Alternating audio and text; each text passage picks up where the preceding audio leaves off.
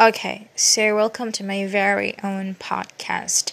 So, actually, what is my purpose having this podcast on Anchor, Anchor, whatever?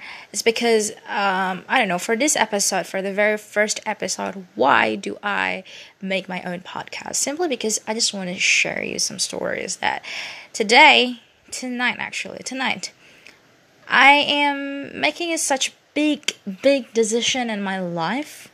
I mean, it's not that very big, but actually, it's very big for me because basically, what I'm doing is something that could probably change my life for now because I, you know, cut the tie off from the Instagram. So as you know, I have Instagram and I already, you know, used that for about 2 years already.